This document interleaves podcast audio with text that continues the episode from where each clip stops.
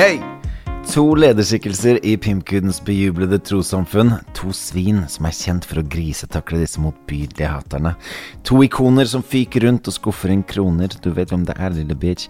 Lotion og Smestad. Og vi er faktisk uh, fresh ut av et show. Ja, jeg skulle til å spørre, har du drukket, eller? Ja, du hører kanskje på litt diksjonen og sånn, eller? Nei, mest på at du var on fire, da. Oh. Ja, for vi er jo ikke helt på bølgelengde, for du kjørte jo til dette showet som jeg drakk meg opp til. Så jeg er litt sånn, nå, nå er jeg på noen Dr. Peppers og tar det litt rolig, mens du prøver å drikke deg opp til neste show, som vi skal ha om et, eh, et par timer. Vi er kommet litt ut av sånn Det gjelder jo sikkert de fleste, at man har kommet litt ut av dette sånn ekstreme sånn Jaget. Ja, ja, så jeg skal ikke si rølp, da, men altså sånne fester hvor man er sånn Man står tett, da. Og, og nå var det en fest hvor vi sto ekstremt tett. Og det var eh, ekstremt baris og ekstremt svett. Og det, var, og det gjorde jeg da veldig edru. Og det var jo på en måte en sånn var, eh, Jeg er kommet ut av trening. Det var voldsomt. Du fikk, fikk sjokk. Jeg tok jo også den at jeg brølte liksom 'husk enemeteren under, under baris der, men, eh, men det var ikke så mange som gjorde det. Jeg merket at svette menn i baris gned seg mot meg. Altså, de presset seg mot meg. Skal du gi deg nå med baris, eller? jeg, jeg kjenner at jeg er litt sånn traumatisert, da. Ja. Litt uvel. Mhm. Mm. Det var jo en eller annen som slapp en sånn uh, Virkelig råtten sånn fart der også, mens vi holdt på. Og dette var også et uteshow. Vi spilte ute i en hage, og veldig fet location var utsikt mot um, Oslofjorden og solnedgang. Er det det som heter Bunnefjorden? Ja, Bunnefjorden er litt mer innover i mm, kroken bortover mot For det er der eh, Røkke begynte, eller? I Bunnefjorden? Ja, ja. Helt på bunnen av Bunnefjorden. I mudderet der nede. Men uh, superfin location og sånn. Men det, det, var, det var en som detonerte en virkelig grotesk stankbomb mens vi holdt på. Det er nesten sånn at jeg lurer på om det ikke var det, fordi at, Ja. at det muligens var en gasslekkasje. For det ligger jo sånn nede på havnet der, så ligger det jo sånne Blysjer og sånn? ja, eller? så, Det ute nei, men sånne store sånne oljebunkere og sånn der, Det er jo en sånn deponi for sånn Ah. Det er veldig classy å begynne, å snakke, begynne podcast med å snakke om promp. Men det vanlige er jo at hvis noen promper, så kan kanskje den personen som står rett ved siden av, kjenne. Men her kjente jo hele nabolaget det. Mm. Det er ikke så vanlig, da. Jeg fikk veldig lyst til å lukke munnen, i hvert fall. Vurderte å bare be DJ-en å stoppe skitten og ta, ta oss en liten pause. Nei, for det er jo faktisk sånn at uh, Vi snakka om at vi burde jo stoppa showet og Mm. snakka om det. Det hadde vært ganske komisk. og så ringte jo dama meg underveis i showet. Så har jeg sagt neste gang så stopper jeg musikken og setter deg på speakerphone. Det skjedde jo en gang når vi var nede på Sørlandet, at du ikke visste at du hadde For du gikk og tok den telefonen mens du holdt mikken som var på. Ja, jeg visste ikke at mikken var på, eller glemte det. da Ja. For at det som hadde skjedd, er at eh, det hadde falt en uh, høyttaler i gulvet rett før. Mm. Så konserten var på en måte satt på vent da et minutt. Og akkurat da så ringte det. Jeg får bare svare den, da. Da switcha du fra play til pus Ja, veldig kjapt. Vil Ja. si det, og da sto jeg jo med måte sånn mikrofonen og mobilen i samme hånd, så alt ble broadcasta av det jeg prata om. Det er ikke noe vanskelig å høre hvis noen snakker med, med dama på telefonen. Så er det ikke så vanskelig å høre at det er dama man snakker med. Nei. Hvis man snakker med moren sin nå, liksom, så da kan man høre det. Ja, jeg hører forresten rykter om at uh, både moren og faren din har begynt å følge deg på, på Insta. Hva syns du om det? Nei, jeg liker bedre den stilen som moren din gjør, at uh, hun ikke følger deg på Insta, da. Ja. men, eh, men eh, er det noe sånt i de ryktene om at du er som sier at det er. Det, det kommer jeg ikke til å nevne. For de hører på podkasten nå. Mm, det, ja. Ja, ja. Men, men plutselig nå så skjer det i hvert fall veldig mye big things, da. Yeah. Fordi at det, det, er, eh, det har skjedd et eller annet sånn oppmykning i koronatidene. Det merker jo sikkert alle andre òg. Så nå har vi hatt veldig mye shows og veldig mye svette mennesker og veldig mye brudd på énmetersregelen. Definitivt. Vi har jo kjørt et ellevilt løp nå i august og startet opp en sånn båt i Oslofjorden for noen uker siden. Og um, det brakte jo meg tilbake til gamle dager, for da dro vi fra Oslo, og så vorsa jeg på båten til Ja, vi tok, Nesodden. tok Nesoddbåten, Mm. Og det er jo der du skrev hele albumet ditt, sånn vi putter det ned. Altså Ja. Som nå har 20-årsjubileum i Var det i går eller i dag? Ja, i går. I går. Mm. Og så tok vi båten ut dit, og så ble vi plukka opp, og så cruisa vi rundt i Var det Bunnefjorden? Nei, det var heller ikke Bunnefjorden. Men uh, vi kjørte litt ut mot Sandvika og sånn. Og jeg fikk faktisk melding fra Hawk, vår, eh, vår venn fra Warlocks. Han hadde vært på Lindøya og liksom fått med seg showet. Vi hadde kjørt forbi der. Hmm. Men uh, han eh, En av disse spillerne fra dette App Farm som hadde booka oss, uh, jeg tror han heter Hans Magnus, han uh, fortalte oss jo før showet at han kunne 'Insane in the Brain' med Cypress Hill utenat. Insane in the membrane. Så da overtalte vi han til å være med på showet, så vi åpna faktisk sånn at han rappa 'Insane in the Brain' med meg på backup. Jeg var Sendog i hooket der. Insane in the brain! Passe komisk. Mm. Men, og så er det litt sånn at det ikke er jump around han kan, men Insane in the Brain da. Ja, ja. Jeg kan jo faktisk litt jump around. ja. Back it up, back it in, let me begin. Mm. så kanskje jeg skal varme opp med, med jump around. Det hadde vært noe. Det er to tett beslektede anthems, det der. Begge produsert av DJ Muggs. Mm. Men uh, det var eh, en hyggelig ride, det der også. Vi møtte jo også en play der som var uh, tett buddy med, med han godeste ODP, Original Dugnadsplayer. Gjorde vi det? Det fikk jeg ikke med meg. Jo, jo. Han snakka vi masse om Fon og Re og hele pakka. Oi, oi. Mm. Men uh, apropos Sentrum Scene, da. For jeg fikk akkurat melding fra en som heter Ola Arviola. Mhm. Ole. Og det er jo en av de som Eller han jeg var Jeg vet ikke om du husker Sist gang vi hadde konsert på Sentrum Scene og det ikke var covid, så hadde jeg en sånn um, Tour de Force. Tour de Force, ja. Og da løp jeg rundt, og det var jo et sånt uh, vorspiel på en sånn takterrasse. Uh, litt sånn rundt i området rundt Blå der, hvor politiet kom og sånn. Så han er en ekte, en real spiller, da. Mm. Og, og da var jeg innom, og vi spilte Peach Canai og sånn. Og han sendte meg nå en screenshot at han hadde jo kjøpt billett til Sentrum Scene. Mm. Og så fikk han en sånn eh, beskjed fra Rockefeller Sentrum Scene En såkalt bummer alert. Ja, en sånn eh, refusjon, da. At han var en av de som da ikke likevel har billett. Ja. Og det syns jeg er ganske sånn Jeg følte at eh, PG trakk i feil tråder da, fordi han er jo en av de mest eh, de, En av de spillerne som fortjener å komme på konserten, da. Mm. Ja, det var eh, ganske grusomme greier, for det var jo ehm, solgt en god del flere billetter enn 200 som er lov. Og da lurte jeg litt på hvordan de skulle gjøre det, liksom. Og det, da bare tror jeg det var de etter de 200 første som har kjøpt. De, Ja, så det gikk på de, ja, det er kanskje det mest fair, at det gikk Mm. på tidspunktet det ble kjøpt. Ja. Men uh, ganske, ganske stygg, stygg greie, altså. Ja. Men vi har i hvert fall hatt veldig mye shows i det siste. Det har vi. Vi hadde jo blant annet eh, fire gangsterparties på én dag forrige helg. Um, Og det er rekord for det er oss. rekord. Ja. Ja. Og jeg endte jo opp med at til og med etter det siste showet så jogga jeg hjem 1,2 mil. Det var sykt imponerende, for vi gikk jo også fra G-spot til G-spot, i uh, hvert fall på de tre første showsene, og jeg Mm. hadde jo rundt 25 000 skritt på min skritteller, og så på toppen av det så løp jeg hjem fra Ja. Årvoll til Røa. Men det komiske var jo at tre av showsene var jo i min bydel. Veldig nære her. Først så starta vi ved Holmendammen. Mm, det var Gouda-triangelet. Mm. Og så dro vi ned til eh, nærmere Smestadkrysset, da, i Holmenveien. Ja, rett Hol bak Holmendammen til Holmenveien, Ja, rett bak Texbab. Mm. Og jeg hadde gangsterparty der. Og så Neste show var på Røa. Yeah. Eller den såkalte Ullerntoppen. Ja, Ullerntoppen. Men Mm. i hvert fall eh, veldig, veldig veldig nærme her, da. Ja, det var, eh, var veldig eh, god stemning på alle, alle showene, egentlig. Ja, og det er litt det som har vært gjennomgangsmelodien nå. At, uh, sikkert fordi at uh, folk er så sultefora på å endelig komme og være sosiale og feste og sånn. Fordi det, det har vært sånn usedvanlig positiv uh, og, og fin um, stemning, da. Mm. Men jeg tror også at sånn, det er litt todelt. Veldig mange mennesker har savna feste. Og så har du veldig mange surpumper som har vent seg til at folk ikke fester. Ja. Sånn at det er jo naboene er jo ikke like fornøyde. Refererer du til hun, eh, hun Hoan oppe på Ullerntoppen? Ja, da vi var på Ullerntoppen der, så kom det en sånn, eh, en sånn dame forbi, og så Skikkelig sånn eh, Nesten sånn uh, klisjé på en uh, eldre Ullern-kvinne. Da Ja. var, da var klokka åtte, og disse gutta hadde ikke spesielt høy musikk når vi kom dit. Men Nei. da kom hun liksom og bare begynte å rope og skjelle dem ut fra veien, og dette var en skam for Ullern, og folk kører der over hele, hele området her. ja, og sånn. Men jeg, det som er at jeg glemte igjen eh, tennisracketen min på det partyet, så jeg måtte dra tilbake dagen etterpå. mm. Og da snakket jeg litt mer med han som, eh, som arrangerte festen. da Og det som er greia er at For det hun sa, hun som da begynte å klage da, nå har, det vært, har det vært festing i tre dager her i et strekk.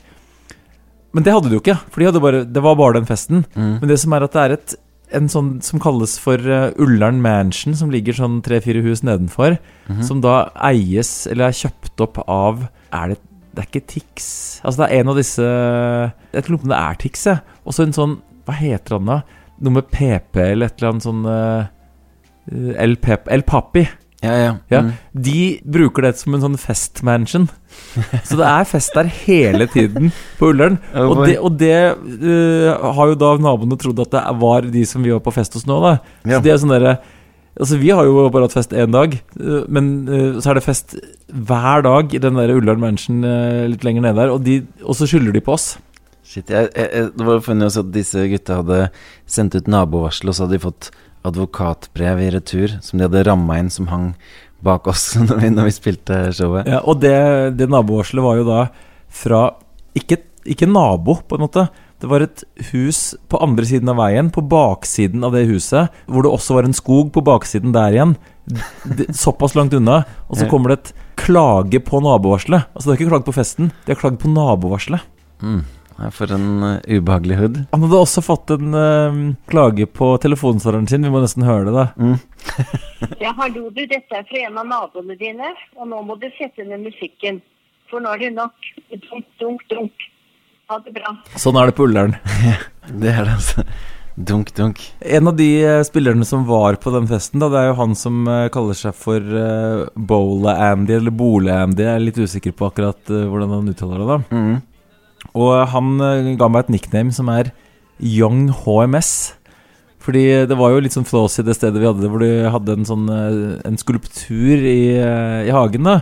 Og Ja. den hadde de jo bekledd med refleksvest og en sånn En sånn hjelm som man bruker i construction work. Mm. Og den tok jo jeg på meg underveis i rappinga, da. Ja, det kledde deg. Jeg syns jeg kledde det, så det Du ser ut som en doser. Ja, jeg, altså I hvert fall HT, han tror jeg Han jobber fysisk.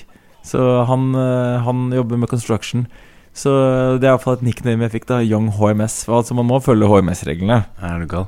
Men eh, er det meg, eller hadde de vilt store magnumflasker på det, det partyet der? Det var eh, nesten så vi ikke klarte å løfte dem. Nei, det, jeg, jeg trengte begge hendene for å løfte den flaska. Men eh, Og så var vi på det som vi snakka om, det der Holmen-showet rett bak Texpub. Mm. Jeg fikk en melding fra Nino Durden hvor han hadde kjørt forbi, og så sto det på eh, at det var hengt opp en sånn plakat på døra til Texpub, da, at det var stengt. Så det som er på en måte sånn frykten her, da, eller, eh, eller kanskje de gjør at det keeper det extra real, det er jo at det er Mattilsynet som har stengt Texpub, da.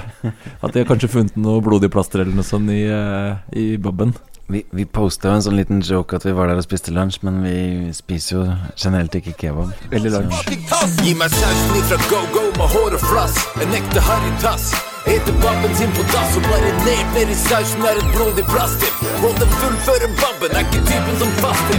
Ryktene om kebabkongen ljuger ikke. Må være saus med full sprut, ellers duger den ikke. Er du prippen, så har du ikke noe der å gjøre. Eter kebab hver dag fra lørdag til lørdag. Saus som gir deg trailerbart og hår på brøstet. Frekke tekstbab, bitch, midt i Smestadkrøsset. Harrytassen er en rude boy som Roger. Sitter på dassen med en kebab og håger. Øh. Men uh, på det, der, eh, det showet rett bak Texpub der, da Mm. Vi skal jo ikke stikke under en stol at det var eh, relativt flås i den, den cribben.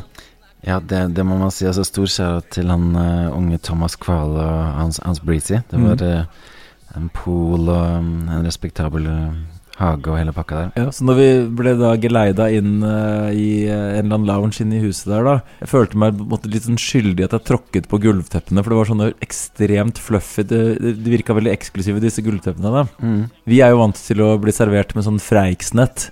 Altså, jeg har jo Freiksnett-kjelleren min eh, her hvor jeg har eh, masse, masse Det absolutt billigste av sånne sprudlegreier. Der fikk vi ekte champagne servert backstage, da. Den var legit. Det er det som er på en måte sånn fordelen når man blir booka i sånn Vestre Aker bydel fra hus til hus. Så blir man, får man servert eh, litt mer kvalitetsvarer, da. Det er sant. Og vi hang jo litt ut der også og chatta med gatene. Og da, da snakka jeg med en sånn type som eh, Morsom, morsom type, så spurte jeg hva driver du med, liksom. Og da fortalte jo han at han eh, Ja, ja, på- hos den festen på Eller den spillejobben på bak Textpub der. mm, Mhm. Så fortalte han at han eh, var gründer, og at han drev på med å produsere runkemaskiner. Så da, da tenkte jeg shit, det passer jo bra. Vi har jo en sexspalte. Ja, vi er jo sexologer. Mm, Så så det- han kommer eh, innom etterpå og forteller litt mer om, eh, om opplegget. Ja, Så han har jo rett og slett en masturbasjonsmaskin, da. Sånn i sexologbransjen så, så er jo det, det er faguttrykk, da. Mm. Men altså, blant uh, fotfolket så er det jo runkemaskin. Ja. Men han skal i hvert fall komme etterpå nå, og så skal vi få en innføring i den. Jeg har ingen anelse om han skal demonstrere den, eller hva han skal, da. Har du tenkt å innføre deg i den, eller? Jeg er litt sånn hands off, føler jeg. Ehm, Jeg er sexolog, og det- er jeg på en sånn øh, akademisk måte, så jeg skal kun observere.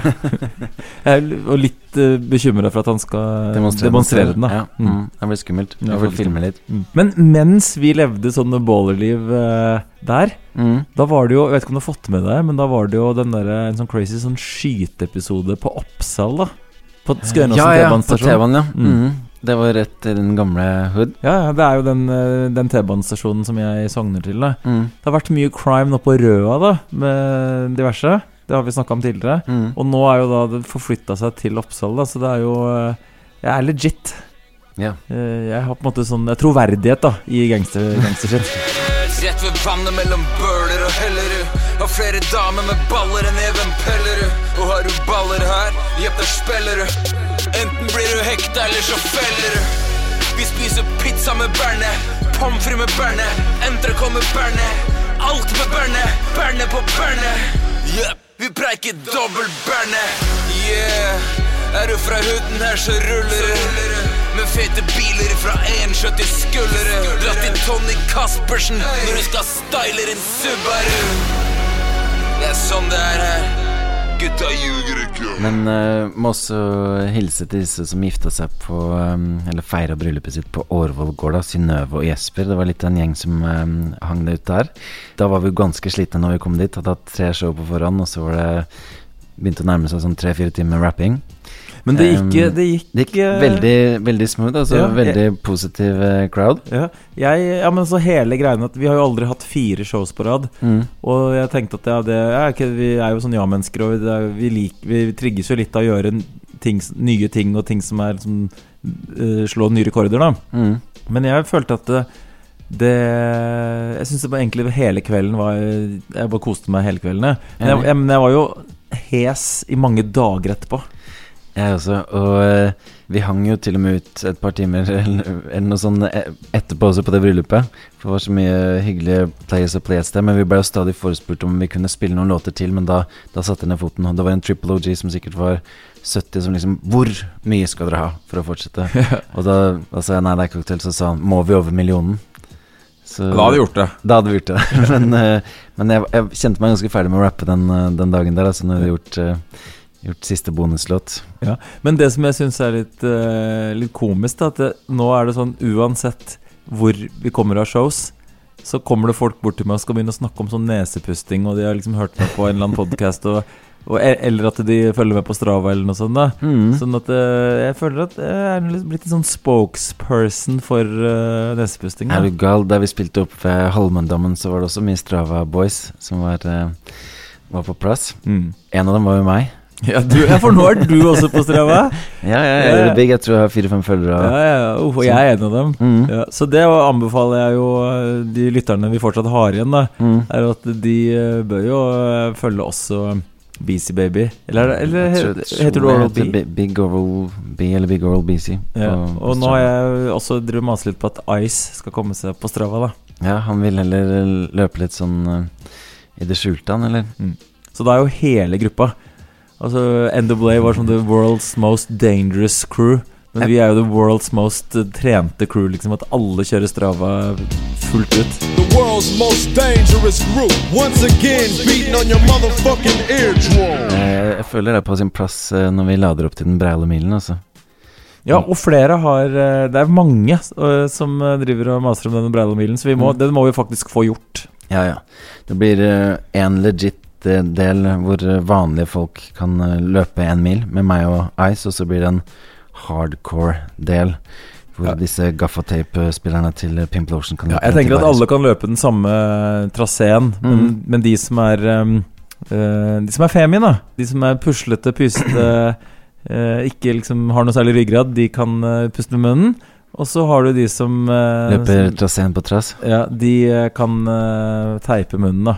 Det var faktisk eh, fra det bryllupet vi var på på Årvoll, så fikk jeg en sånn Jeg vet ikke om du husker ja, Det var vel hun som gifta seg. Mm.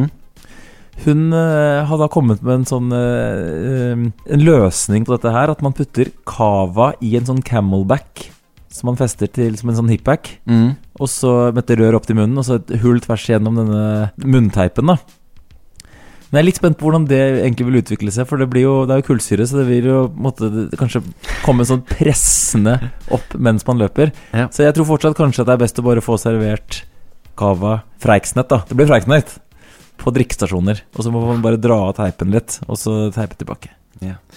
Nei, hvis det er noen uh, som driver innen eh, helse der ute, så helsepersonell, som vil stille frivillig, så kontakt oss Playersmain. Ja, men jeg ble kontaktet av eh, noen som uh, jobber frivillig for Røde Kors oh, i den bydelen her. Og de sa seg villige til å, å være helsepersonell, da. Fantastisk. Så, men jeg var litt sånn Ja, men trenger jo ikke noe helsepersonell. Dere kan heller bli med på løpet. Så vi får se hva det blir til, da. Men jeg tror i hvert fall det å få tak i folk som skal stille opp, det er tydeligvis ikke noe problem, da. det er vakkert, altså. Mm. Tror vi må prøve å få det til innen sånn september og sånn, før det blir eh, for kaldt, liksom, i løpet av september. Ja, for det skal løpes i baris òg. Mm. Yeah. Det er den vakreste historien min. Den breiale milen, barisløpet, i september in hood near you. Java. Ja, jeg spilte faktisk et show sammen med han der eh, godeste Morgan Sulele her om dagen også. Så var nede på Jungstorget, sånn der høyskolen Høgskolen Kristiania-show. Jeg og han Tikseren var gjester. Ja, men jeg så bilde av det greiene der. Det, Hvordan var det lovlig? Ja, det skjønte ikke jeg. Det var et eller annet opplegg med kohorter og disse, for det var jo for studenter. Så det var delt inn i to forskjellige kohorter eller noe sånt, og de sto jo da tett i tett, som på en vanlig konsert. Ja, For det så jo ut som en helt crazy vanlig konsert. Mm. Og det er jo ganske irriterende for han derre Ola Arviola som eh, har fått eh, refusert billetten sin. At disse her kan drive med sånn Ser ut som det er sånn party like it's eh, 2019. Det var noe sånn kohortskalkeskjul på greiene der, altså, så de var delt inn i to. Um, men det, jeg tror det var solgt over 1000 billetter hver. Så hm, hvem vet. Men uh, Det er vel i hvert fall tidsspørsmål før det nå ordner seg og det blir helt åpent. da Og nå har jo da FHI gått ut og sagt at uh, de som har fått uh, vaksinene sine, det er kanskje en fordel om de blir smitta.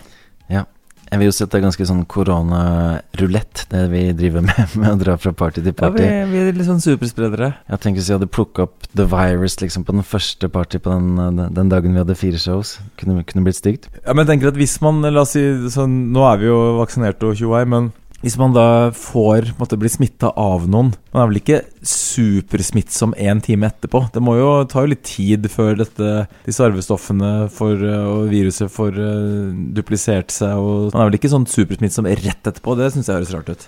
Ja, forhåpentligvis så- er man ikke det. Men uh, uansett, når jeg spilte det der showet med Sulere, da, da sto jeg oppå en høyttaler, var i fyr og flamme, men hadde jo én låt som jeg skulle gå inn på liksom og gjøre tingen min.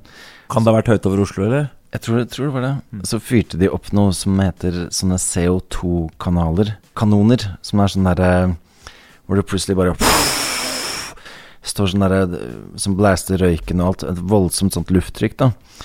Som var rett der jeg sto, sånn at mine klær de da føyk rett opp, sånn at liksom genseren min og T-skjorta ble dratt helt opp til over the nipples. Så du kjørte bare Så jeg, jeg kjørte ufrivillig baris, liksom. Ganske uforberedt også. Så plutselig bare kjente jeg liksom at genseren omtrent føyk opp i fjeset mitt, liksom. Mens, eh, ja. Så gatene fikk Det er litt sånn eh, Marilyn Monroe-aktig når hun står over en sånn rist. Ja, ja, liksom, veldig. opp det. Veldig sånn. Følte du deg sexy, eller?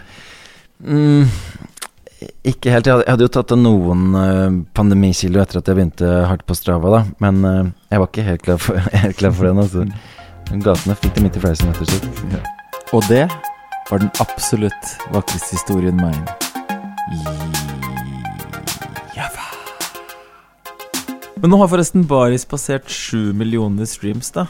Uh, Det er ganske major, syns jeg, da. ja, ja. Altså helt ydmykt. For at vi altså Morten Arket syns sikkert 7 millioner er lite. Mens eh, jeg syns 7 millioner er mye, da. Mm, enig. Det, det er mye for oss uh, ydmyke spillere. En som har gjort det enda bedre enn det, er jo Rick Astley. For nå har den, den derre Never Gonna Give You Up Har jo nå passert en milliard streams på, uh, på YouTube, da. Wow. Men, men det er jo en sånn greie, jeg vet ikke om du har fått det med deg. Sånn, eh, jeg har kalt det liksom You Got Rick Astleyed.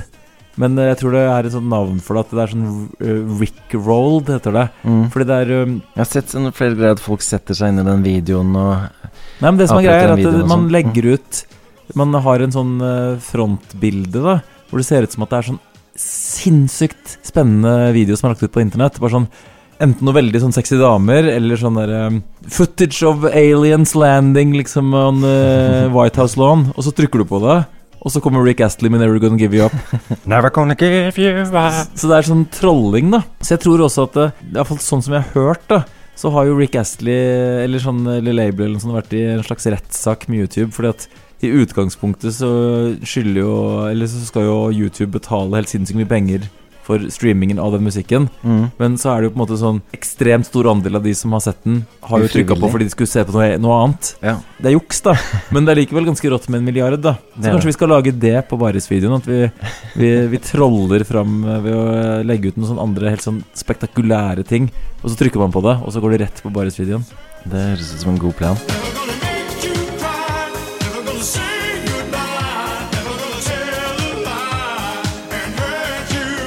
Når du kom her nå, da så jeg vet ikke om Du la jo sikkert merke til at eh, det har blitt veldig sånn flasy eh, utenfor studio med en sånn ny platting og sånn. Mm. Da har det vært eh, noen sånne håndverkere her fra jeg, Så de kunne jo ikke norsk, og så kunne de heller ikke engelsk. Sånn at jeg tipper at de var polakker, da. De var i hvert fall veldig flinke. Men han ene fyren som drev og jobba der ute, han De kunne verken norsk eller engelsk, og det Ja, men altså, de jobba jo veldig Altså, de var flinke til det de skulle Du så jo det var veldig bra. Ja. Ja. Men han, også gikk de jo selvfølgelig sånn, i sånn HMS-klær, da. Sånn uh, selvlysende oransje eh, arbeidsbukser og sånne ting. Mm. Men han ene, litt sånn eldre kar, uh, gikk hele tiden og røyka. Mm. Og så tok jeg med at jeg syntes han var sinnssykt sexy. Eller altså, jeg syntes han var Macho. Han var så mart Han, var liksom, han så Ja. så kul ut når han gikk der og røyka, da. Han kledde deg. det, liksom, det, det er litt sånn derre Altså, det så tøft ut. Jeg liksom vurderte da jeg skal Jeg tror jeg kanskje jeg skal begynne å røyke. For jeg syns bare det, det så helt rått ut, da. Han uh, mestra det på en uh, Ja. player-måte. Ja, men det er et eller annet sånn nå, nå skjønner jeg hvorfor sånn, en del ungdommer begynner å røyke, for det ser faktisk Noen kler det. Og Harrytassen, han, eh, han Oh. pleier å røyke. Ja. Ja, vi hadde jo han derre kompisen vår, Player J, innom et par dager her også um, i forrige uke. Og um, det ble jo noen bangers ut av det. Ja, vi uh, har begynt å spille inn en ja, vi, har, vi har funnet ut at det, ordet eksos er en sånn hedersbetegnelse, da. Så det er sånn uh, Hvis noe er bra Ja, fy faen, det var skikkelig eksos. Tilhører han? Oh shit, det blir Exos, altså. Men det jeg også fant ut, da, var at eh, Jeg vet ikke om vi har snakka om det i podkasten her, men det er jo det derre Hva heter det? Headbusses eller bodybanges, eller hva heter det? Eh, Roy, Roy, Roy, Ja. Roy Jones. eh, Roy Jones, ja. Body headbangers. Body headbangers, ja. Og så er det en sånn rapplåt hvor teksten er Ja, vi kan jo høre det her, da. Ja, classic. Roy got bread. Roy ain't gotta smoke or drink, he gets head. Roy keep at least six women up in the bed. Roy do it big, cause Roy got it made. Body. Roy does it big. Altså Man bare sier Roy ditten og Roy datten, og jeg syns jo det er utrolig komisk. Den heter jo også I Smoke, I Drink, så det er jo sånn litt sånn HT-aktig. Ja, ja, det, det er røyking. Ja. Eh, og, men det som er, er at eh, jeg har lyst til at Altså, Harrytassen er jo etternavnet. Fornavnet er Roy. Så jeg er ganske sikker på at det blir Roy Harrytassen. Og det, blir, det er jo en sånn unik kombinasjon av, eh, av eh, inspirasjon, da. For det er en 50% inspirasjon av det derre Headbusses Banges-greiene. Mm. Og så er den andre 50 er at jeg er inspirert av Roy Narvestad. Wow. Så jeg er liksom halvveis Narvestad og halvveis uh, Headbusses, da. Ja, han i den Body Headbangers, det er jo faktisk han bokseren Roy Jones jr. Men nå er det i hvert fall For jeg har alltid drømt om å hete Roy. Eller jeg har alltid drømt om å kunne name-droppe at jeg heter Roy. Ja. Så at nå må jeg lage en tekst hvor liksom Roy altså, Da er det ikke sånn gjør det er bare sånn Roy gjør ditten, og Roy gjør datten, og Roy gjør det big, liksom. Mm. Så nå er jeg Roy Haritassen. Kanskje jeg faktisk burde lage en remake av den eh, DD-låta. Roy Roy, nå blir det liv. Men nå er det faktisk rett rundt hjørnet at eh, det kommer en ny Harrytassen-låt. Roy Harrytassen. Mm. Og det er Jeg føler at det er en, en sjanger nå Det er en ny sjanger som heter Glad-Harry. Jeg mistenker at um, en del som um, er litt sånn opptatt av at ting skal være sånn ekte hiphop, muligens kanskje ikke vil uh, uh, like dette her, da. Men uh, vi syns jo det er fantastisk gøy, og så det er det viktigste. Skulle vi spilt den selv om den ikke er gitt ut? Må høre den Exos-stripen. Ja, vi må høre Exodryppet. Skal jeg sette den på nå, eller? Er! Ja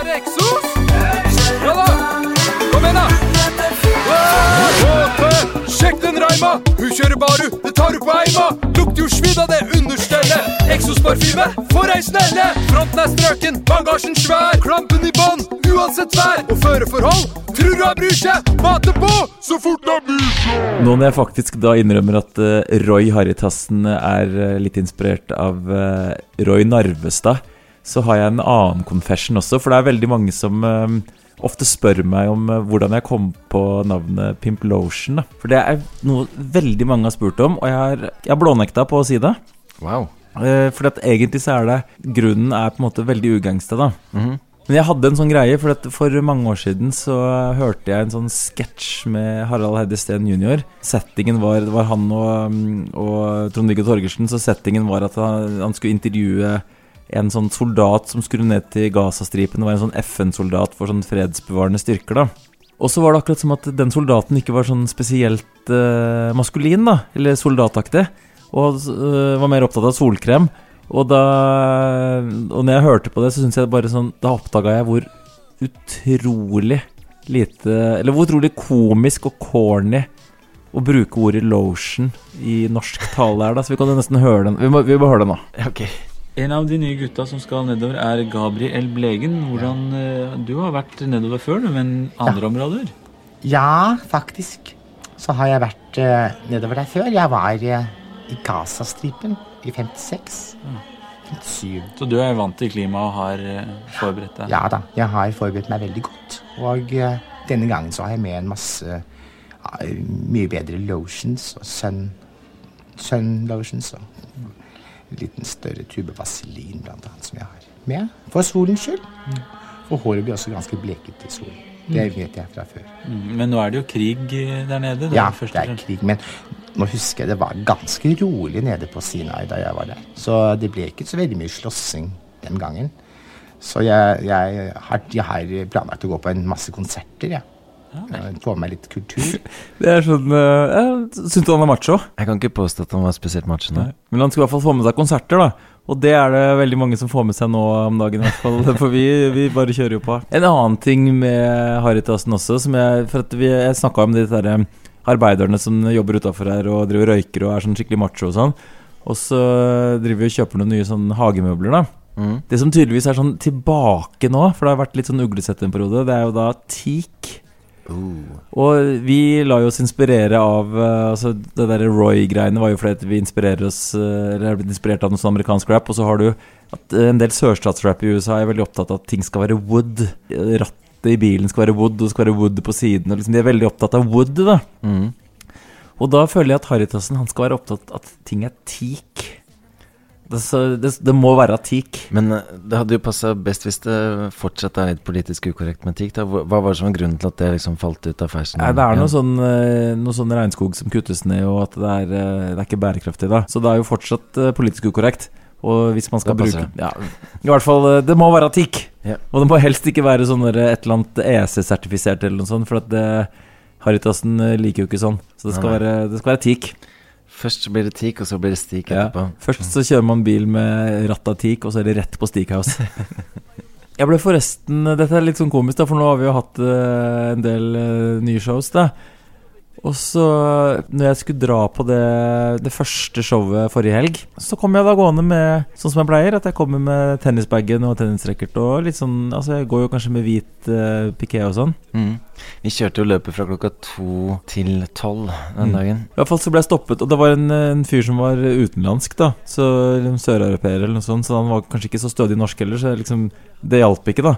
Fordi han der spurte yeah, where, um, I see you uh, walk around here a lot with the um, tennis bag. Uh, where do you play tennis? Bare sånn Hvordan skal jeg forklare dette her? At jeg spiller ikke tennis i det hele tatt. Det er bare sånn scenepropp. Jeg er jo veldig lite gira på sånn Altså Det gjelder jo alt. Jeg veit ikke hvordan du har det når du er på sånn sosiale ting, enten om du er på, måte, på noe foreldremøte eller eh, på noen sånn tilstelning med noe skole eller Mm, jeg pleier å gå rundt med sånn Oral B-merch. Ja, du gjør det for å bare demonstrere. Mm, ja. Yeah. Nei, for jeg er jo sånn der Når folk begynner å spørre Ja, hva driver du med? Det er sikkert helt fett når du jobber på kontor, at folk spør om det. Men hvis Eller jeg hvis du produserer runkemaskiner. For ja, for eksempel, ja, det er kanskje ikke bra, da heller. Men i hvert fall sånn der, hvis man er på noe sånn med noen andre foreldre eller et eller annet sånt, og så med en gang det er sånn Ja, ja, hva driver du med? Jeg, jeg prøver alltid å unngå prøve å pense liksom, samtalen over på noe annet hele tiden. For jeg orker ikke det der med en gang det er sånn Jeg driver med, med musikk, liksom, eller rap eller noe sånt. Så liksom, ja, ok, da var jeg midtpunktet, ja. Da Ja. skal alt dreie seg om meg. Det var ve veldig funny når uh, vi var på sånn tilvenning i barnehagen med han lille gutten min i fjor, når han begynte der. Og da um, var det to andre foreldrepar som også var der, og da spurte liksom Var, var det sånne plenum, så spurte de disse første Hva driver du med, du med, du med? Inkludert dama mi. og Jeg jeg, jeg jeg, sto, sa, sto sist på raden. Og så bare sa jeg ingenting. Jeg tok ikke opp tråden, ingenting. Så det var bare sånn masse awkwardness, og så begynte jeg å spørre om et eller annet annet, liksom. Ja.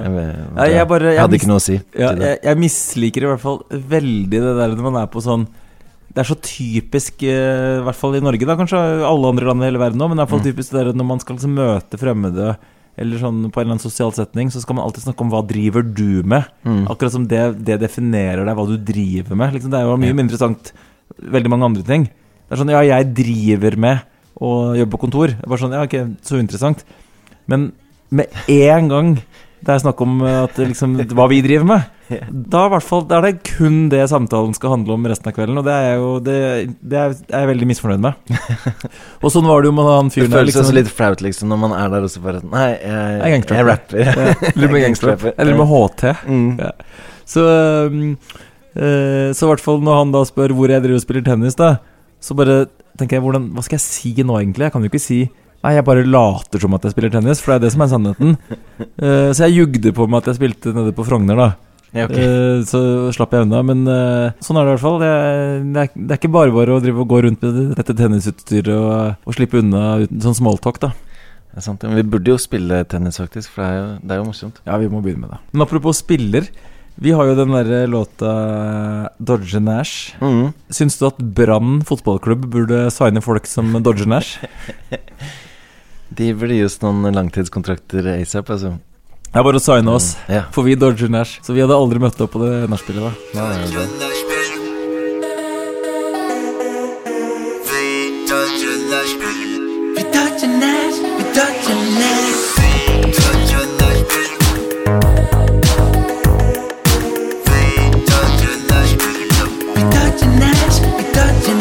Jeg ser en kjip bitch med en passende kar. En sånn som alltid dratter på en kassegitar. Spør du meg om nach, har jeg et passende svar. Jeg har ikke den musikksmaken som massene har. Så nei, jeg vil ikke høre din versjon av ei dør. Jeg tipper at den lyder som hormoner og fyll.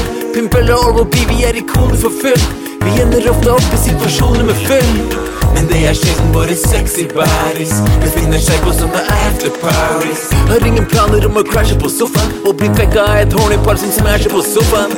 Pimpel har aldri dodga cash. Men bitches vet at jeg har dodga Nash.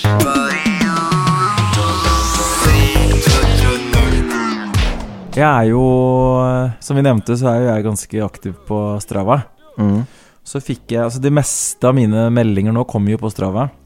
Ja, du har jo fortalt masse stories eh, til meg også om at det har vært litt av en sommer hvor du har blitt jaget av grevlinger og kuer og hoggiser og hele pakka. Ja, ja. Det er det som er greia, at jeg har sett så mye hoggorm, da. Mm. Eller altså orm, da. For noe av det er jo buorm, og noe er jo Jeg vet ikke hva alt heter, men som ikke er giftig, da.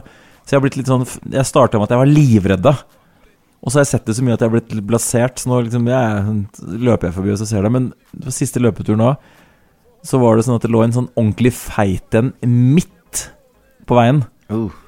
Uh, og den, den flytta seg ikke, da. Så jeg måtte jo stoppe opp og kaste litt sånn småstein og sånn for å få den til å flytte seg, og den flytta seg jo ikke. Jeg måtte rett og slett bare gå derfra, og så måtte jeg stå sånn 50 meter unna og så vente på at den, eh, den Da begynte den å sånn eh, Det heter kanskje ikke å gå, da, men krype eller Ja. Ja. Jeg, jeg, jeg var på hytta i sommer, og da så jeg faktisk en hoggis jeg så, som bevegde seg lynraskt. Hmm. Var en mm, virkelig sånn eh, Levde the fast life, altså. Ja, for jeg, jeg liker ikke det at de skal bevege seg så raskt. Mm. Og han øh, vennen vår øh, Alice fra Kroner i kamp, han har gitt ut den øh, boka som heter 'Farvel frykt', Mm. hvor han øh, forteller om noen av sine fobier, da, og den verste fobien hans er nok den om slanger, da. Han gikk jo i terapi for å bli Men det er jo ikke fobi, for det er jo real. Altså, er jeg, jeg, føler at jeg fobi er en sånn irrasjonell frykt, Mm. men du skal være livredd for. Ja, ikke sant. Også, det verste var jo at øh, mens han har den øh, frykten, og så ligger han en gang hvor han er ute og bader og bare ligger og chiller'n og liksom har hodet omtrent sånn, sånn at ørene er under vann og ligger liksom og flyter. Har de ører?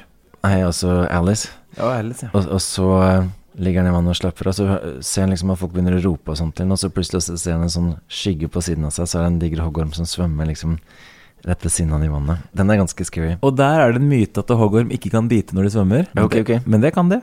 Mm. Det har jeg lest. Ja.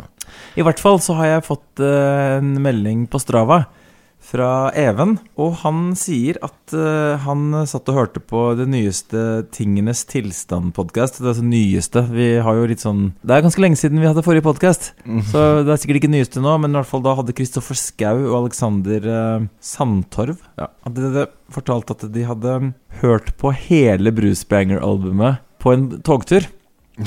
ja, det var noen som sendte meg, sendte meg link til. Ja, og da som det var at de, Det var jo uten, veldig langt fra hva de vanligvis hører på, men at han virket å like det veldig godt. Da, så det syns han var moro. Hilsen Strava-Even. Ja, ja, nei, det var fett. Kjære til Kristoffer Schau. Eh, Og det er jo eh, Bøhler. City of Sadfuck. In the city City of Sadfuck. Uh, ja, ja, når vi først er inne på litt sånn hotline, da, så har jeg jo fått noen nicknames. Mhm.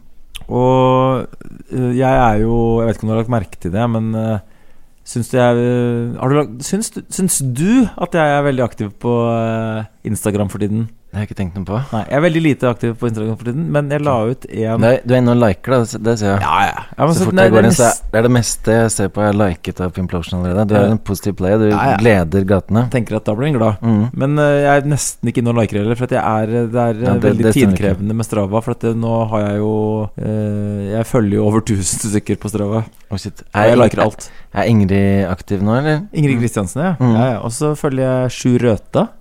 Oh. Og så nå begynte faktisk uh, Petter Northug å følge meg, og det syns jeg var litt sånn morsomt, da, fordi han følger bare 18-19 stykker. Det er Exos! Ja, det er Exos! Exos! og så Og så er det selvfølgelig disse Skinstad-brødrene og sånn, da. Og en del sånne plays, da. Mm. Men apropos Sjur Røthe, jeg har jo en annen HT-låt i kammerset som ikke er ute ennå, som heter Alltid støtet. Og der eh, name-droppes jo Sjur Røthe, da. Det er jo kanskje det er, It's the first. Så vi får høre en liten snippet her òg, da. Når vi først skal spille uutgitte ting. For jeg er alltid på hugget. Alltid i form til å knerte i sugget. Og jeg er alltid i støtet. Går hardt i sporet som den gutten Sjur Røthe. Ser du HT, så drikker han. Ser du HT, er han alltid på sjekker'n. Ser du HT, er han alltid i støtet. Alltid noen triks han er hypp på å møte. Så shout-out til Sjur Røthe. Men i hvert fall eh, Jeg hadde lagt ut på da dette sosiale mediet som jeg slutta, mer eller mindre slutta med, som heter Instagram. Så la jeg ut en sånn at jeg drev og kokte kål, da. Mm. For det driver jeg fortsatt med. Og da var det en som heter Carl. Han ga meg nickname J. Call. Jeg er litt usikker på om vi har tatt det tidligere, men jeg syns uansett det er veldig bra, da. Ja, bortsett fra at J. Cole er jo backpacker, da, så det er litt sånn Men altså, dette er på en måte gangsterutgaven av J. Cole, da. Ja, ok. Ja, Mm. Men eh, jeg har liksom Vi har lekt oss veldig mye med sånne nicknames rundt Cole, som Don Corleone og sånn. Mm. Men du og Play J er jo som vaskeekte kålhuer, og når vi var nede i San Diego for mange år siden, så, så drev jo han eh, gangsterrapperen, han eh, Crippen Smig Dirty, han hadde jo noen ho som da kokte kål Ja, vi mens kom- vi var i studio eller hjemme hos han. da Ja, vi kom inn i på en måte huset hans da, og det bare velta mot oss en sånn intens kållukt. Og jeg syns jo det er den diggeste lukta. Jeg var jo på Mats Hansen-podkasten, jeg vet ikke om den fins lenger, den derre Topp tre. Men da fortalte jeg at kål var en av mine favorittlukter, da. Så man Ja. kommer inn i en eller annen oppgang, og så har noen eh, lagd uh, fårikål. Det syns jeg er sexy. Ja. Men, uh, dere var kanskje ikke så into call på den tiden, for ellers hadde dere vel spurt om å, å få, få smake litt? Ja, ja, nei, så det har kommet i ettertid. Ja. Så nå, eh, nå er jeg J. Cole, eller Don Cole i åne. Shout-out til, eh, til Smig Dirty, han Ja. er også into call. Men jeg er jo da The Mats Hansen of Strava. Og dette har jeg snakket om Eller har jeg snakket om det? I hvert fall lurer på om jeg snakket om det i forrige episode, at det er noen som jukser på Strava.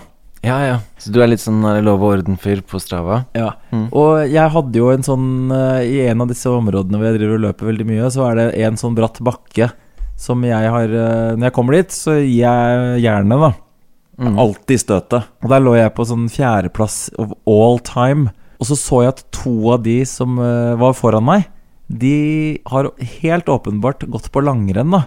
Så det er juks. Da var jeg veldig, var jeg sånn veldig gira på at jeg skulle ringe og, og på en måte be dem Altså sette dem på plass. Men uh, så tok jeg en sånn megasprint. Det var faktisk dagen etter et av disse altså, Jeg tror det var dagen etter de, de fire showsene. Oh. Så bare ga jeg maksimalt jern opp den bakken, da. Og så da gikk jeg forbi, så nå er jeg nummer én. Så jeg er jo ikke på en måte like sånn irritert på det, men eh, jeg lurer på om jeg fortsatt skal ringe opp disse eh, gærningene som har juksa på Strava. da Og nå er jo klokka over 11 på kvelden på en lørdag. lørdag. så det, jeg bare gjør det. jeg. Mm. Så får vi se hvor populært det er. Ja, kjør på. Det er to stykker som, som da delte førsteplassen først, og han ene kaller seg bare for eh, Erik A, og det sier meg ikke så mye. Men han andre heter Stian Svenby. Der har jeg funnet i hvert fall én som heter Stian Svendby skal jeg prøve å ringe opp han. Det kan jo være en annen person, da. Jeg, er åpen for det. Ja. Hvor mye drikker du for til deg nå, forresten? For det- Ja, jeg må nesten, eh, må nesten drikke litt for dette. Ta en liten shot. Dette kan bli pinlig. Det er jo på, passe komisk, liksom. Sånn litt smålig. Bare sånn Øy, jeg kan se at du i 2013 eh, hadde en sånn tur, og så liksom det, Dette er 100% ikke meg, da. Vi Får vi se hvordan han reagerer, da. Mm. Det er jo faktisk direkte pinlig. det er det. Jeg må bare finne fram her, så jeg kan uh, finne statsen. Det er da et sånt segment da som heter Gråseterbratta. Aha. Skal vi se, nå skal jeg ringe Nå Nå skal jeg drite meg ut, for å si det sånn. Nå skal du dumme deg ut. Ja, nå skal jeg dumme ut. Mm. Det er da Stian Svenby. Altså, det her kan gå alle veier. Det kan bli at uh, han blir ekstremt sur, eller det motsatte. Mm. Jeg tror jeg, Det er høy sannsynlighet for at det blir ganske pinlig. Ja, det er 100% sikkert. Det blir ikke Exos. Nei, det blir ikke Exos. Hallo? Eh, god dag, er det Stian Svenby? Det er feil. Det er feil nummer. Er det 913 her i Findusjinlund? 1913 Nei, det er feil. Beklager det, altså. Skal aldri gjenta seg. Jeg skrev Jeg tok, ringte feil nummer, jeg. Det var suksess! Så det første var suksess, i hvert fall. Bummer. 9, 13 At han tok telefonen så jeg var skikkelig fornøyd, jeg. Pass på at du ikke ringer det samme nummeret igjen. Det var det. herif. Det er nesten ingen som tør å ta ukjente numre, vet du. Hallo? God dag, er dette Stian Svenby? Ja, det stemmer. Ja, dette er eh, de to legendene Oral B og Mr. Pimp Lotion fra podkasten Lotion og Smestad som ringer. Ja, hei. Jeg har noen ganske alvorlige anklager eh, å komme mot deg, så jeg bare går rett på sak, jeg. Jeg eh, ser på Strava at du 5. mars 2015 hadde en, en tur innover Skansebakken hvor du dro på ekstra i eh, noe som kalles brå, Gråseterbratta. Stemmer det? Eh, ja, det kan godt stemme. Jeg har da tatt eh, rollen som uh, The Mats Hansen of Strava, hvor jeg skal eh, avsløre juksemakere på Strava. da Ja. Og du har ligget på, en, eh, på topplista. Du har vært kom på et segment der eh, under løping. Men uh, dette ser jeg at var 5. mars 2015. Er du helt sikker på at du løp da og ikke gikk på ski? Jo, det gjorde jeg sikkert, men uh, hva er aktiviteten flagga som? Du står jo rangert som den aller raskeste på dette segmentet, og det var 5. mars. Ja, okay. Innen løping. Er du sikker på at ikke det var på skareføre, og du, du skøyta opp eh, den uh, gråsetebrettet, da? Ja, nei, det er helt sikkert ski. Men Ja. klokka hadde bare løp som aktivitet, så da ble alt bare automatisk eh, til løping. Å ja? Så du innrømmer at du har juksa? Jo, du kan godt uh, Kan ikke bare flagge nå, så dukker den opp for meg? For meg er det samme, det. Det Ja. er bare å flagge. Men uh, for at det, jeg, det er én til, skjønner du, som eh, også gjør at jeg ikke er kom der, da, og det er en som heter Erik A. Vet du hvem det kan være, eller? Eh, nei Jeg vet ikke. Erik Andersen Erik Ass... Nei, jeg vet ikke. Ja, hva var det du sa det var, egentlig? Eh, hvem jeg er? Ja. Ja, Mr. Pimplotion fra eller Oral B og Mr. Pimplotion. Å ja, du er Pimp Lotion, ja. ja. ja Peter Korby og sånn, da, som har drevet og brukt låtene på Marcialonga og sånn. Eller altså på Baris. Å ja? Må flagge han òg, da. Ja, ja. Og jeg går jo på ski lyn aktivt, jeg. Så Lyd? Og så kommer du og leker kjekkas i Skansebakken på Røa IL sin turf, og så går du for lyn? Eh, ja. Ja, og nå følger jeg deg på Strava også, så nå slipper du verken unna med juks eller å sluntre unna treninga. Jo, jo. Ja, Ja, det er null stress, det. Ja, Så jeg er da blitt det nye Strava-politiet. Bare sånn at så Hvis det er andre ting du trenger, og hvis du, du også opplever ting som må flagges, da, så må du kontakte meg, da. Så, så skal jeg ordne opp. Ja, men det er bra. det. Men da er du i hvert fall live på podkasten Losjen hos Mestad. Så da føler jeg at vi, verden har gått ett skritt videre. Ja. Yes. Ha det bra. Passe smålig. Ganske, pinlig. ja, det er Oh, shit. Ja. Sporty, sporty type, da, det må jeg si. Ja, det må jeg si. Så jeg hørte liksom Det hørtes ut som det var en fest i bakgrunnen der. Jeg lurer på hva de snakker om nå. Ja.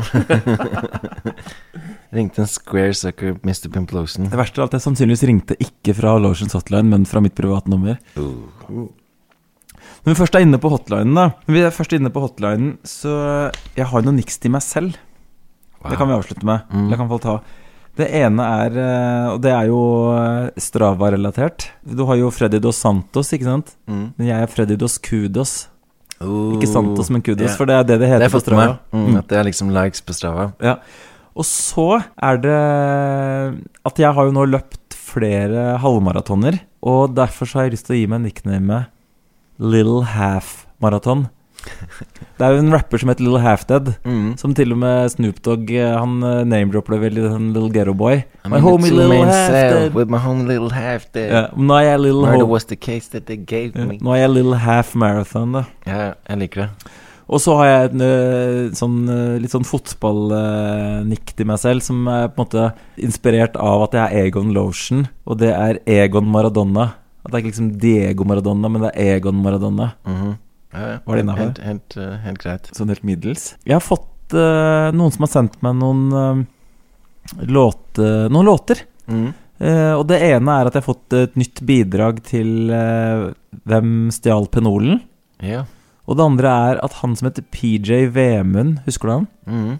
Det er han som var med på den første Lotionband-låta. Ganske sånn smooth player som eh, eh, Ja, hadde ganske fett vers, egentlig. Imponert i gatene. Ja, Han har i hvert fall eh, For en liten stund siden så har han sendt meg en ny låt som han har tydeligvis Jeg tipper det bare er en sånn skisse som han har lagt ned, da. Og jeg har jo ikke hørt på det, så jeg tenkte at vi kan ta og spille det nå, så vi får jo se Se hva vi syns. Yo, de kaller meg for P to the motherfucking J, ja. De pleide å disse meg, veit ikke hvor de blei av. Jeg har en stil som du ikke kan ta feil av. Jeg har et smil bitches ikke kan gå lei av. Ja, jeg har noen sifre på en bankkonto som bare øker. Jeg spotter hotte bitches som om jeg har varme søker. Du står og sykler på en tispe som om du var en kjøter. Movesa dine forutsigbare som barnebøker. Trikset er å ta et pust og ta det rolig.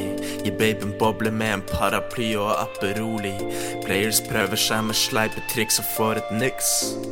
Ekte G's går rolig frem og tar seg god tid.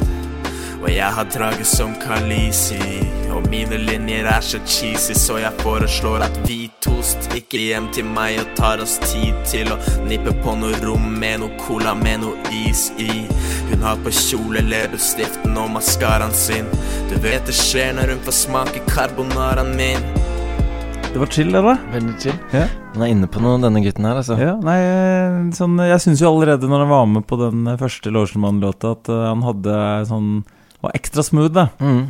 Man Så- hører at han har, har selvtillit på mikken og mye funny linjer, og mm, han, han stresser ikke. Nei, han er rett og slett en smooth player. Mm.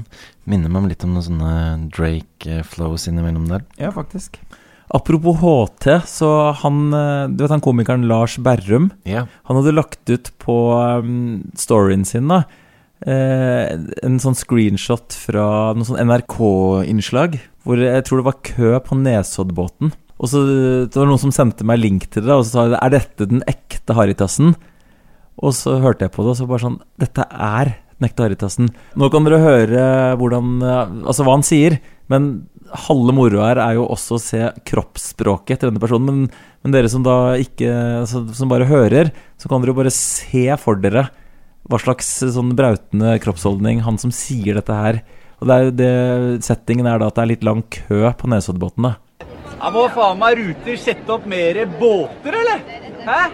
Hva slags opplegg er det her, da? Det er så komisk å sånn, Han er jo da ikke sammen med noen, noen kjente engang. Han står der sånn og så bare sier det ut måte, det til i, i det blå, ja. Så liksom Mm. litt til alle, på en måte. da Altså, nå må Ruter sette opp mer ru Nei, hva er det han sier? Ja, han sa det sånn.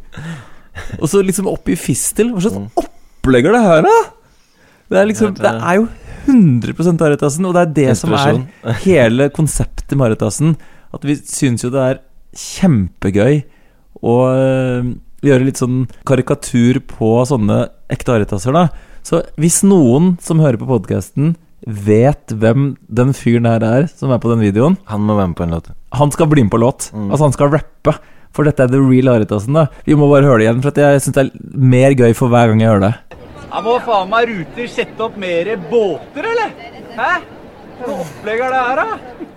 Og det er liksom helt Han står sånn derre og liksom ser seg om og stikker fram brystkassa. Liksom er sånn, det er så brautende holdning, da. Og står og bærer noen poser og sånn. Og det er, han, sannsynligvis bor han jo på Nesodden, for han er på vei ut på, på Nesoddbotn. Wow. Jeg vil tro at hvis det er noen som, som kjenner han, så kjenner de igjen den stemmen der, og måten han snakker på.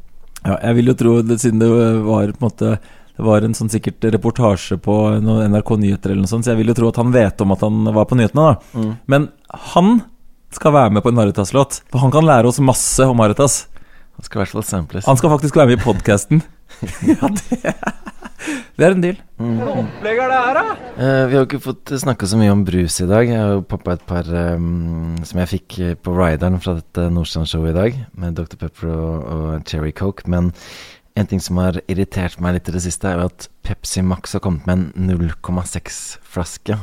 Som da kun er lettbrusversjon. Mm. Jeg ønsker jo ofte at halvliteren er litt mer, liksom. Så det, jeg liker det 0,6-formatet, men at de bare kjører det i lettbrus, er helt scandalous. Men når vi først er inne på brus, da, Mm. så har jeg en ting som er scandalous, eller som jeg ikke vet er scandalous, men som jeg mistenker, er at min absolutte favorittbrus gjennom tidene, og at det faktisk er en brus som er kontemporært nå, det er jo da Urge Smooth Mango. Ja, nå mistenker jeg at den er på vei ut. For nå, nå er den sånn at eh, alle stedene jeg kommer, så er den enten utsolgt, eller så er det bare to-tre igjen, og da har jeg kjøpt de to-tre.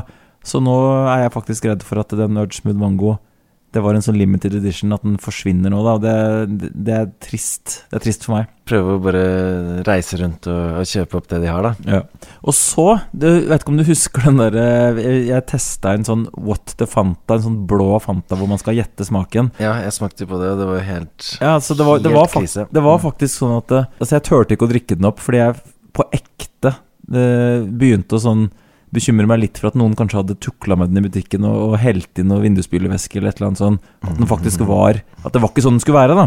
Ja. Og så, så da prøvde jeg Da kjøpte jeg en til, og så Den var jo kjempegod, for den syns jeg smakte vannmelon. Bare sånn wow, dette var digg. Og så kjøpte jeg en til senere, og så var den tilbake på den der eh, da. Så liksom Altså, hva er dette for noe opplegg, da? Jeg kjøper den, og så vet du ikke hvilken smak du får. Det kan være dette helt forferdelige vindusspylevæskeopplegget, eller så kan det være en skikkelig digg vannmelonsmak, da. Så det er rett og slett gambling å kjøpe den. Ja, altså jeg tør ikke gjøre det lenger. Men, øh, men i alle fall, jeg ga den en sjanse til, og da plutselig oppdaga jeg en sånn veldig fantastisk smak. Så det er hele greia der, da. Men det er ganske, ganske trassig greie å drive og lage brus, og så vet du ikke om du får en som er ekstremt vond eller veldig god. Jeg, jeg driver jo og vurderer nå å kjøpe Dr. Pepper Chocolate på eBay nå. Det er en sånn Jeg så du hadde lagt den ut på brusbloggen, Ja, noen, eh, eh, jeg tror det bare er noen konkurransevinnere eller noe sånt som har fått den. Det er sånn super, super limited. Og på eBay nå, når jeg sjekka, så kosta den eh, litt under 1000 Ja, det er såpass, ja. én boks. så det må nesten kjøre på. Ja, da bør den helst være god. Det er ikke så relevant. Det er bare om, å- om å gjøre smaken. Få skrive ned på skatten, da. Ja.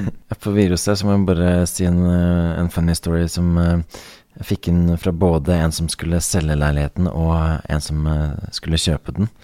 Og eh, først fikk jeg sånn eh, screenshot fra budrunden fra vår venn Sigurd Hus Hansen.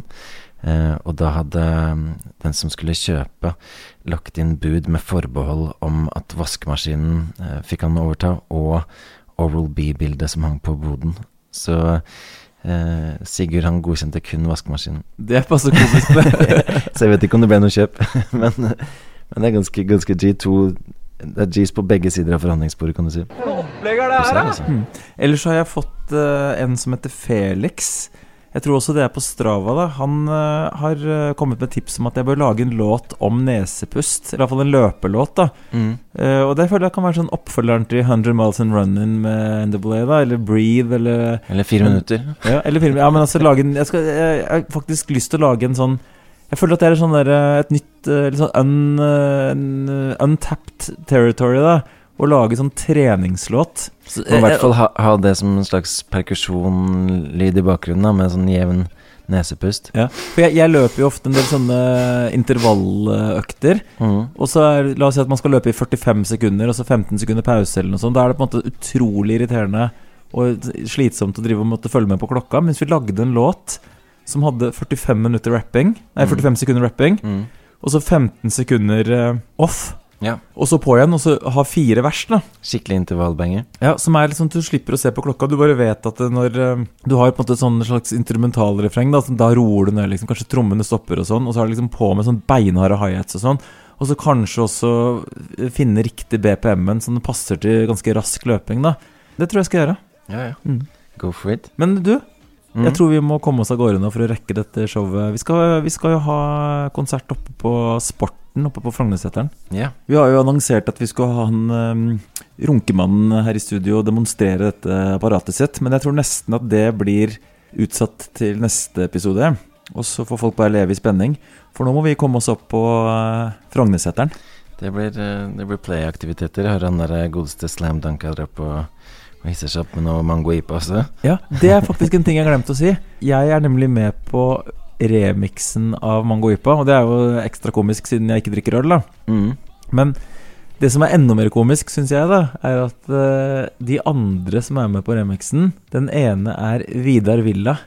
Oh. Og jeg har jo vært litt sånn opphengt i Vidar Villa, for jeg er jo var dere, par... de- dere har jo hatt en liten sånn bromance etter hvert. Ja, jeg det, og jeg, jeg har jo kalt meg The Young Vidar Villa. Mm. Fordi jeg hadde Jeg syns i hvert fall at jeg hadde en periode litt sånn samme frisyre som Vidar Villa. da Så nå er i hvert fall eh, Nå har jeg klippet meg, da, men eh, nå er det i hvert fall sånn at jeg har et vers. Og så er Vidar Villa etter meg, så driver jeg og adlibber på eh, Vidar Villa sitt vers. Shit. Jeg føler at jeg har litt sånn eh, Jeg, jeg bromancer litt med Vidar, da. Vi har en duett. Og så er Blir det også- sånn båtturné med dere to til neste sommer? eller? ja, og jeg har jo sånn eh, Jeg har pleid å bruke en sånn matrosdress.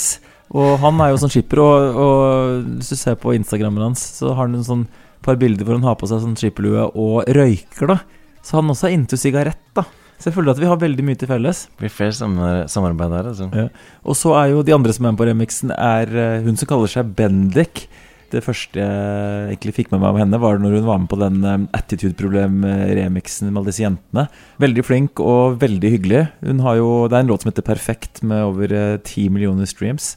Og så er han eh, Jesper Jenseth med, så det er jo en sånn komisk eh, konstellasjon, da. All-Star Team. Yeah. Men ja, han, han, eh, Slime han spurte jo også om jeg skulle være med på originalen en gang. Og da Dette IPA-kjøret er ikke noe for meg, så jeg sa nei. Men jeg sa Det er ikke noe for meg heller, da. Men jeg sier ja, for jeg er ja-menneske. Her har du et par linjer, sa jeg, så skrev jeg bare sånn mm, Heller mango IPA rett ned i pipa, henger med en chick som ser ut som du har IPA. Uh, Det hørtes kjent ut. tror du han brukte det, eller? Du burde jo få noe tonoandel for det, da. Det er flaks, for nå skal vi jo opp og ta, spille på Frognerseteren. Og så skal vi jo ta den låta, og da trenger vi noen som kan refrenget. Og det kan jo du, da. Men skal vi, vi kan jo Vi må nesten høre litt på Kanskje høre verset mitt, da. Ja, ja. Og over til Vidar. Kanskje Vidar Villa sitt. Å ja, ja, begge to. Ja, begge to. Det avslutter vi sånn. Skip ohoi, cruiser på en Voi Det blir hemskt mye yeah, hemskt mye skoj Lotion er forfengelig, jeg er på slankekuren Drikker IPA light, må passe på figuren Jeg bøtter ned på IPA, det er tro på natt En bøtteknott i en bøttehatt Det blir IPA hele natten, vi er helt propell Slam, dunk og mister propell. Jeg har kjøpt meg bås. 120 fot Hvor mange nipa har jeg plass til? Blir med under dekk og se. Dama di har allerede gått ned. Hold meg fast, henger bøyd over ripa. Gi meg en til, ikke gi meg noe skripa Du sa, jeg sa, hun sa, han sa. Han sa mango-ripa! Vet ikke hva som skjer. Men jeg vet hva jeg vil, baby. Men vet jeg vil ha mer. Jeg vil ha en bag med ipa. Hey, mangoipa, heldig rett ned i pipa. Jeg henger med en dame som ser ut som du har lipa.